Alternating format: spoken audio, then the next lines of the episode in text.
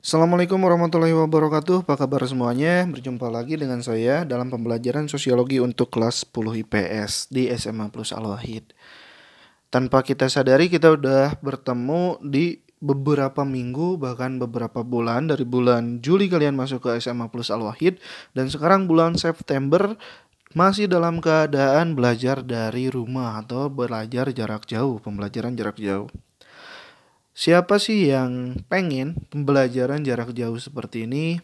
Siapa yang mau kita saatnya belajar di kelas, bertemu, berinteraksi dengan teman-teman, kita diharuskan belajar lewat media atau aplikasi lainnya.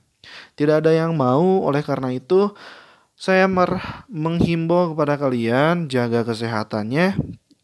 Jangan lupa untuk berolahraga secara rutin tidak begadang, dan menjaga seluruh protokoler yang ada. Karena kita pengen supaya pembelajaran itu kembali normal, bahwa masa-masa kalian itu masa-masa berinteraksi secara langsung, tapi kondisi saat ini tidak memungkinkan. Oleh karenanya, terus berdoa supaya semesta kembali membaik. Nah, untuk pembelajaran kali ini kita akan melanjutkan materi yang kemarin tentang kelompok sosial.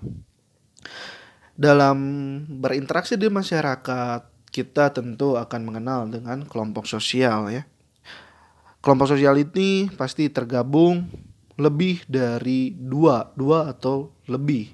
Kalau satu orang tidak bisa dinamakan kelompok sosial, itu dinamakan individu dalam kehidupan manusia yang kompleks tentu kita bakal bisa bergabung atau bertemu dengan kelompok-kelompok sosial yang ada di masyarakat, kelompok belajar, kelompok keorganisasian yang ada di masyarakat dan lain sebagainya. Nah, ada beberapa jenis uh, dalam kelompok sosial. Ada pembedaan tentang besar kecilnya suatu kelompok dibedakan menjadi dua, kelompok primer dan kelompok sekunder. Pak apa katanya kelompok primer? Kelompok primer ditandai dengan adanya hubungan yang erat dan anggota-anggotanya saling mengenal serta sering kali berkomunikasi secara langsung, face to face. Selain itu juga terdapat ikatan psikologis yang erat dan kerja sama pribadi pribadi ya. Jadi kelompok primer itu kelompok inti yang komunikasinya langsung face to face. Ada hubungan secara psikologis yang erat seperti kelompok primer, keluarga, teman dekat dan lain sebagainya. Menurut Charles Horton Coley dalam Naroko 2010, kondisi-kondisi fisik kelompok primer dapat diuraikan sebagai berikut.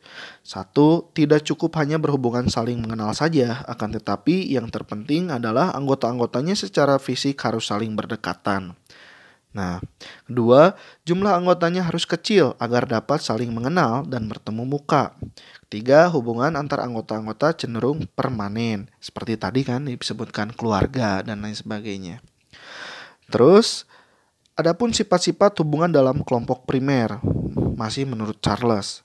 Pertama, sifat utama hubungan primer ialah adanya kesamaan tujuan di antara para anggota, yang berarti bahwa masing-masing individu mempunyai keinginan dan sikap yang sama dalam usahanya untuk mencapai tujuan, serta salah satu pihak harus rela berkorban demi kepentingan pihak lainnya.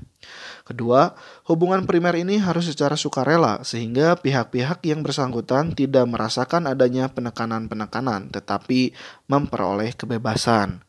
Ketiga, sifatnya hubungan primer melekat pada kepribadian seseorang dan tidak dapat digantikan oleh orang lain.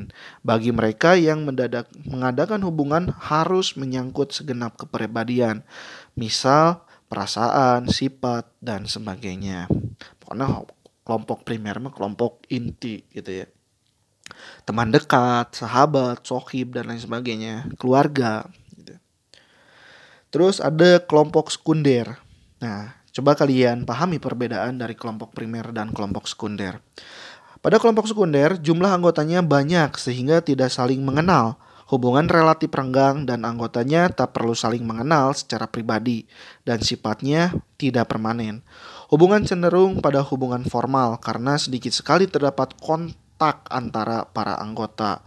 Kontak dilakukan jika ada kepentingan dan tujuan tertentu. Contoh kelompok sekunder adalah partai politik, organisasi kepemudaan, organisasi profesi, dan lain sebagainya. Pokoknya yang sekupannya besar organisasi di medsos dan lain sebagainya kan itu banyak organisasi-organisasi atau kelompok-kelompok yang anggotanya banyak. Pokoknya kalian bisa membedakan perbedaan yang primer dan sekunder. Lebih jelasnya silakan kalian cari lagi secara mendetail perbedaan kelompok primer maupun kelompok sekunder. Selanjut, ada yang dinamakan norma kelompok. Nah, sebelum kita pembahasan lebih lanjut kalian ada yang bertanya tentang norma dan lain sebagainya. Norma kelompok terbentuk bersama dengan dibentuknya kelompok sosial. Kita bergabung ke kelompok sosial pasti ada yang dinamakan norma atau aturan. Norma kelompok adalah suatu pedoman yang berfungsi untuk mengatur pola perilaku individu sebagai anggota kelompok sosial. Dalam Sarwono 2012, Bourne menjelaskan berbagi beberapa fungsi norma kelompok. Yang pertama, mengatur perilaku anggota kelompok untuk tercapainya tujuan kelompok secara efisien. Kedua, pedoman bagi anggota kelompok dalam melakukan hubungan sosial di kelompoknya, sehingga anggota kelompok mengetahui persis apa yang diharapkan dari dirinya dalam kelompok tersebut. Ketiga, sebagai identitas kelompok. Sehubungan dengan adanya keberagaman kelompok dalam masyarakat, maka norma kelompok juga menjadi pembeda-beda. Menjadi berbeda-beda, hal tersebut juga dapat secara langsung dapat menjadi identitas setiap anggota kelompok yang satu dengan kelompok lainnya. Contoh, organisasi pramuka dengan OSIS di sekolah yang memiliki perbedaan norma, tujuan, dan identitas kelompok. Nah, itu salah satu fungsi norma kelompok. Yang keempat ada komunikasi kelompok. Burhan Bugin mengemukakan bahwa komunikasi dalam kelompok memiliki fungsi. Yang pertama, mempertahankan jalinan hubungan sosial. Kedua, mempertukarkan pengalaman dan pengetahuan. Ketiga, memujuk anggota kelompok untuk melakukan atau tidak melakukan sesuatu. Empat, mencari pemecahan masalah dan merumuskan keputusan bersama. Kelima, membantu masing-masing anggota kelompok memenuhi kebutuhan. Ya. Nah itu fungsi komunikasi jika kita tanpa komunikasi dalam kelompok pasti kelompok tersebut akan kaku atau tidak ada sebuah uh, yang menandakan bahwa kelompok itu ada. Komunikasi harus ada dalam kelompok menandakan bahwa harus terjalinnya sebuah tujuan dan kepastian dalam sebuah kelompok sosial. Jika kita tanpa komunikasi, tentu sebuah tujuan itu tidak akan terrealisasi. Terus ada yang dinamakan dengan konflik kelompok. Apa apa katanya konflik kelompok itu? Konflik itu adalah perselisihan ya. Suatu perselisihan dalam sebuah kelompok pasti ada dalam kehidupan kita sebagai makhluk sosial. Konflik kelompok Abu Hurairah 2009 juga menjabarkan sejumlah penyebab terjadinya konflik dalam kelompok. Ini ada beberapa penyebab bisa terjadinya sebuah konflik dalam kelompok. Yang pertama, adanya perbedaan pendirian atau perasaan antara anggota kelompok, adanya perbedaan kepribadian antara anggota kelompok, terus adanya perubahan keadaan yang dihadapi oleh kelompok. Jadi dapat kita simpulkan juga dalam sebuah konflik itu adanya sebuah perbedaan ya yang bisa menimbulkan konflik. Jika kita ada kesamaan kan kita harmonis-harmonis saja, selaras-selaras saja. Tapi jika ada sebuah perbedaan dalam sebuah kelompok itu bisa menimbulkan sebuah konflik. Konflik juga dalam sebuah kelompok sosial dapat diartikan sebagai suatu peluang untuk mengembangkan dan memper kuat hubungan antar anggota dalam kelompok sosial.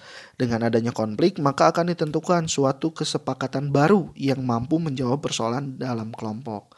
Jadi dalam kelompok juga ada sisi positifnya, yaitu memperkuat sebuah organisasi atau kelompok sosial. Namun bila tidak ditangani dengan baik, konflik juga dapat menjadikan perpecahan suatu kelompok sosial. Nah, dalam konflik ada sisi positif dan negatifnya. Untuk pertemuan sekarang cukupkan sekian. Jazakumullah dari saya. Tetap semangat dalam beraktivitas. Kenapa dalam tiap pertemuan saya diharuskan untuk mereview? Ini sebagai bukti bahwa kalian mengikuti pembelajaran sosiologi.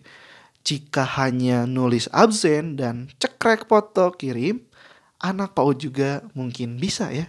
Tapi seenggaknya kalian ada mereview sedikitnya ada pembelajaran yang diambil dari materi yang saya share.